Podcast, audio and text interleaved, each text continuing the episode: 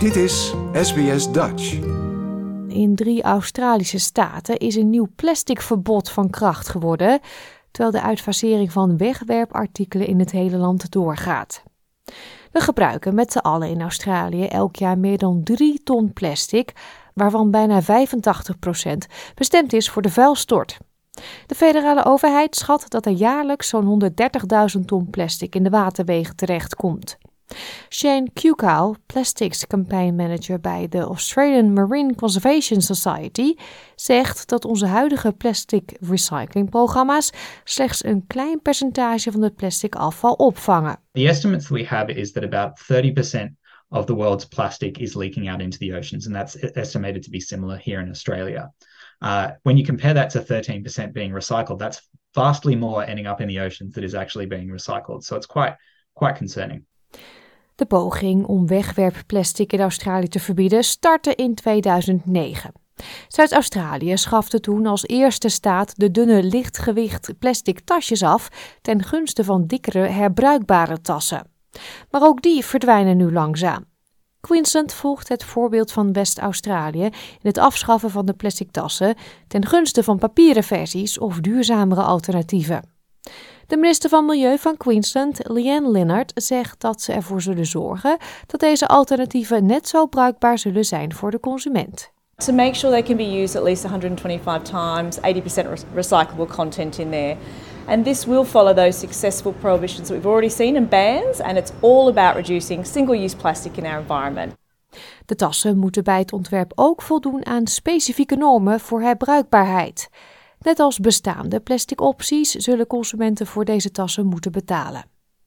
Ebony Johnson van de National Retail Association zegt dat Australische retailers achter het voorstel staan. These changes are world first uh, and really nation leading, uh, particularly in terms of plastic shopping bags, because it really sets a new recycled content standard and a reusability standard.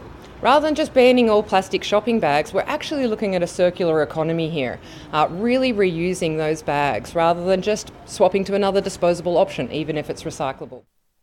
In Queensland en West-Australië worden losse piepschuimverpakkingen en plastic microbolletjes, die vaak voorkomen in scrubs en schoonmaakmiddelen, ook verboden.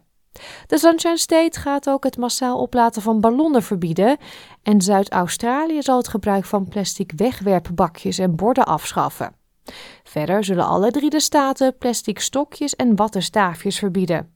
En ook hebben ze hun pijlen gericht op wegwerp koffiebekers en deksels, plastic fruit- en groentezakken en plastic afhaalcontainers. Zuid-Australië en Western Australia zullen als eerste in het land deze items volgend jaar geleidelijk afschaffen. Op dit moment zijn plastic bestek, roerstaafjes en rietjes, evenals piepschuimcontainers, reeds verboden in elke staat en territorium, behalve in Tasmanië en de Northern Territory. Het territorium is van plan om in 2025 een eigen verbod in te voeren, maar Tasmanië is nog niet verder gekomen dan het aanpakken van wegwerpplastic tasjes. Shane Kukow van de Australian Marine Conservation Society zegt dat het goede eerste stappen zijn, maar dat een groot deel van het probleem nog steeds wordt omzeild. We're seeing the overall amount of plastic increase, but we're not managing to get our plastic recycling rates up. Now, one of the big re reasons for that is that we don't actually have many rules around the use of plastic packaging. We know that soft plastics, food, and beverage packaging make up over 70% of the items being found in our um, plastic items being found in our ocean cleanups. So we really need to start having some rules, not just phasing out single use plastics, but actually requiring companies to use more sustainable packaging. Dit was een bijdrage van Cat Lenders en Sam Dover voor SBS Nieuws, in het Nederlands vertaald door SBS Dutch. Like, deel, geef je reactie. Volg SBS Dutch op Facebook.